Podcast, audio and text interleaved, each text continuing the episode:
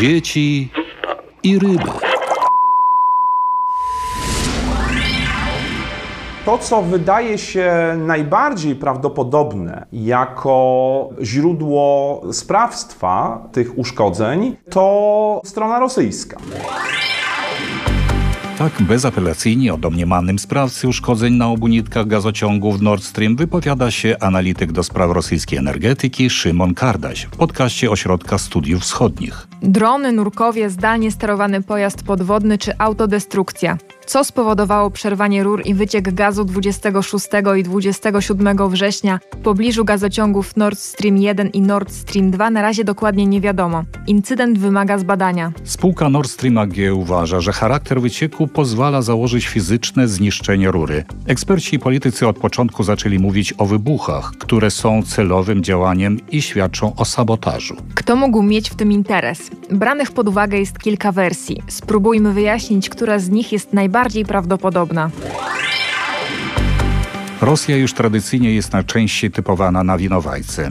The Times pisze, że dotarł do źródła w sektorze obronnym, które przekonuje, że do ataku mogło dojść wskutek założenia ładunku wybuchowego przez rosyjskiego drona podwodnego. Podobno CIA ostrzegała Niemców przed możliwością takiego ataku, ale nie wiadomo, czy miała informacje o wspomnianym ładunku. Eksperci z Ośrodka Studiów Wschodnich chętnie podchwytują i rozwijają wersję rosyjskiego śladu, mówiąc, że w trakcie układania całego gazociągu zaangażowanych było szereg barek czy profesjonalnych inżynieryjnych łodzi i okrętów, więc teoretycznie Rosjanie mieli możliwość do przygotowania takiego ataku. Analityk Szymon Kardaś wymienia też kilka innych powodów, dlaczego na razie wszystko wskazuje na winę Rosji. Po pierwsze, to co wygląda bardzo dziwnie, to pewna koincydencja czasowa. To znaczy, właściwie jednego dnia dochodzi do trzech uszkodzeń na różnych rurach, no, w bardzo nieodległym odstępie czasowym.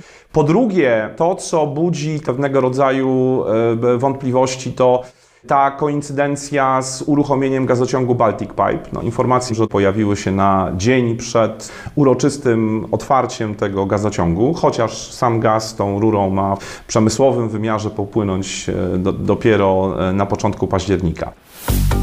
Absurdalność argumentacji eksperta z Ośrodka Studiów Wschodnich wydaje się nie warta jakiegokolwiek komentarza, uważa politolog amerykanista Dmitrij Drobnicki как вот перевернулось с ног на голову. В один день происходит два события. Wszystko wywraca się do góry nogami. Tego samego dnia dzieją się dwie rzeczy naraz. Gazociąg z Rosji do Niemiec przestaje istnieć i premier Morawiecki otwiera kurek na Baltic Pipe, który jest odnogą Europipe 2 i dostarcza gaz z Norwegii przez Danię do Polski. Cóż, wyraźnie bilans gazowy w Europie przesunął się w stronę Polski. Polska wygrywa, Niemcy przegrywają. Co ma z tym wspólnego Rosja, która mało tego, że zainwestowała w projekt ogromne pieniądze, to jeszcze traci perspektywę sprzedaży surowca europejskim odbiorcom, powiedział Dmitrij Drobnicki w rozmowie z redaktorem podcastu Dzieci i Ryby. A zatem pojawił się jeszcze jeden beneficjent uszkodzenia gazociągów – Warszawa od początku zajęła negatywne stanowisko wobec projektu i razem z Kijowem była jak najbardziej zainteresowana jego likwidacją. Władze Ukrainy i Polski już wcześniej mówiły, że ta infrastruktura nie będzie działać i obiecywały, że zrobią w tej sprawie wszystko. Po wysadzeniu gazociągów Nord Stream 1 i 2, których sumaryczna przepustowość może wynosić łącznie 110 miliardów metrów sześciennych, Niemcy tracą rolę europejskiego hubu. Polska natomiast po rozpoczęciu pompowania norweskiego gazu przez Baltic Pipe o planowanej mocy około 10 miliardów metrów sześciennych gazu rocznie oraz pełnego wykorzystania terminalu na gaz skroplony w Świnoujściu chciałoby najwidoczniej zastąpić Niemcy, dostarczając nadwyżki gazu dalej do Europy.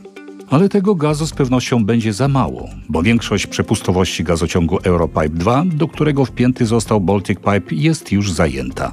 Tą drogą nie będzie więc można przesłać więcej gazu do Polski. Co zaś dotyczy LPG, to zdaniem Dmitrija Drobnickiego zastąpienie w Europie gazu z rury gazem skroplonym jest niemożliwe przy obecnym poziomie produkcji i zużycia. Jeśli objomy będą w rozmiarze jeżeli chodzi o ilości gazu skroplonego, które można fizycznie sprowadzić do Europy tankowcami, a jest ich na świecie ograniczona ilość, to tego gazu wystarczy tylko na ogrzewanie szpitali, szkół, w pewnym stopniu mieszkań, ale nie wystarczy dla przedsiębiorstw produkcyjnych, Oznacza to upadek przemysłu, upadek rolnictwa, mówi Drobnicki. Rafał Ziemkiewicz w swoim programie w telewizji Republika prowokuje gości, wskazując głównego profitenta uszkodzenia gazociągów w Morzu Bałtyckim. Jak zobacz tak literalnie zasadę cui podest fecit łacińsko, czyli że zrobił ten, kto odnosi największe korzyści, to wychodzi, że to Polacy musieli wywalić w powietrze.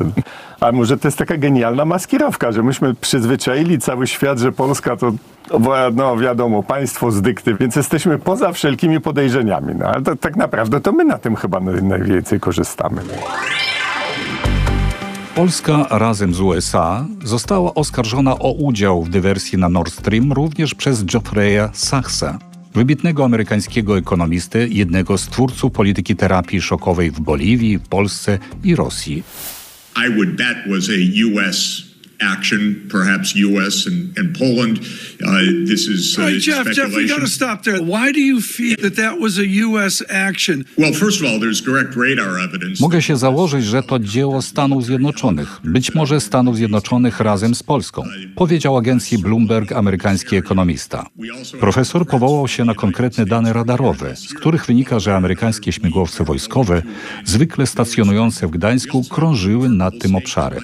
Przypomniał też, że sekretarz Departamentu Stanu Blinken oświadczył na konferencji prasowej, że to niesamowita okazja, by raz na zawsze pozbyć się zależności od rosyjskiej energii i pozbawić Moskwę jednego z największych źródeł dochodów. Sachs dodał, że wszyscy jego rozmówcy na całym świecie są przekonani, że to jest dzieło Stanów Zjednoczonych, z tym, że media po prostu na ten temat milczą. Politolog, ekspert od spraw wojskowości Iwan Konowałów ma wątpliwości co do bezpośredniego udziału Warszawy w incydencie na gazociągu. U polskiej armii, u polskich sił nie tych Polska armia, polskie siły zbrojne nie mają środków do popełnienia tej dywersji. Dowodem na to, że mogły to być USA jest to, że Amerykanie prowadzili ćwiczenia na tym akwenie, testowali tam podwodne drony. Jest oczywiste, że zrobili oni to z premedytacją.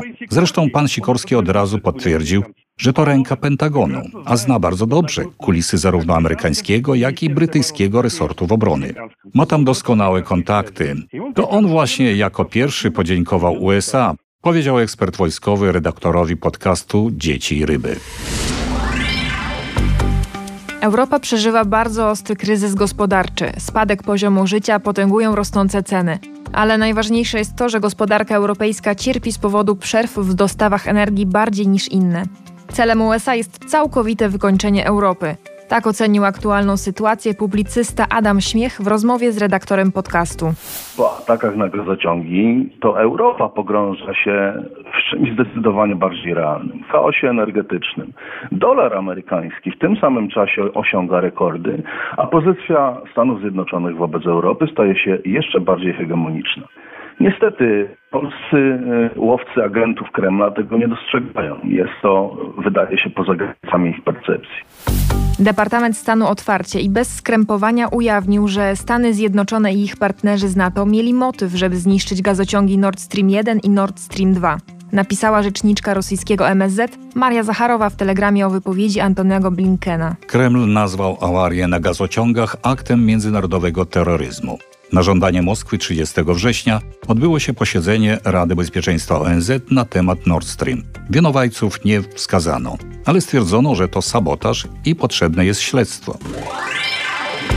Globalny krajobraz energetyczny przechodzi ogromną restrukturyzację ze względu na czynniki geopolityczne, którym towarzyszą gwałtownie rosnące ceny i niedobory dostaw.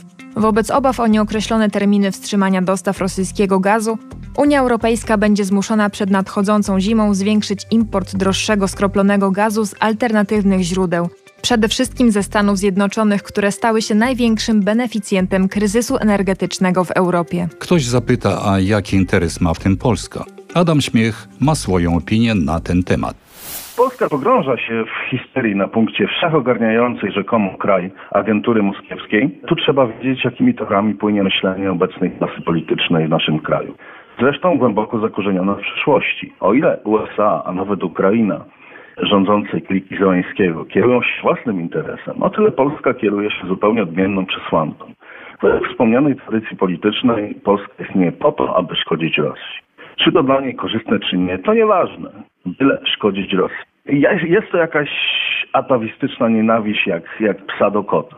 A przecież można inaczej. Pokazują to Węgry Viktora Orbana.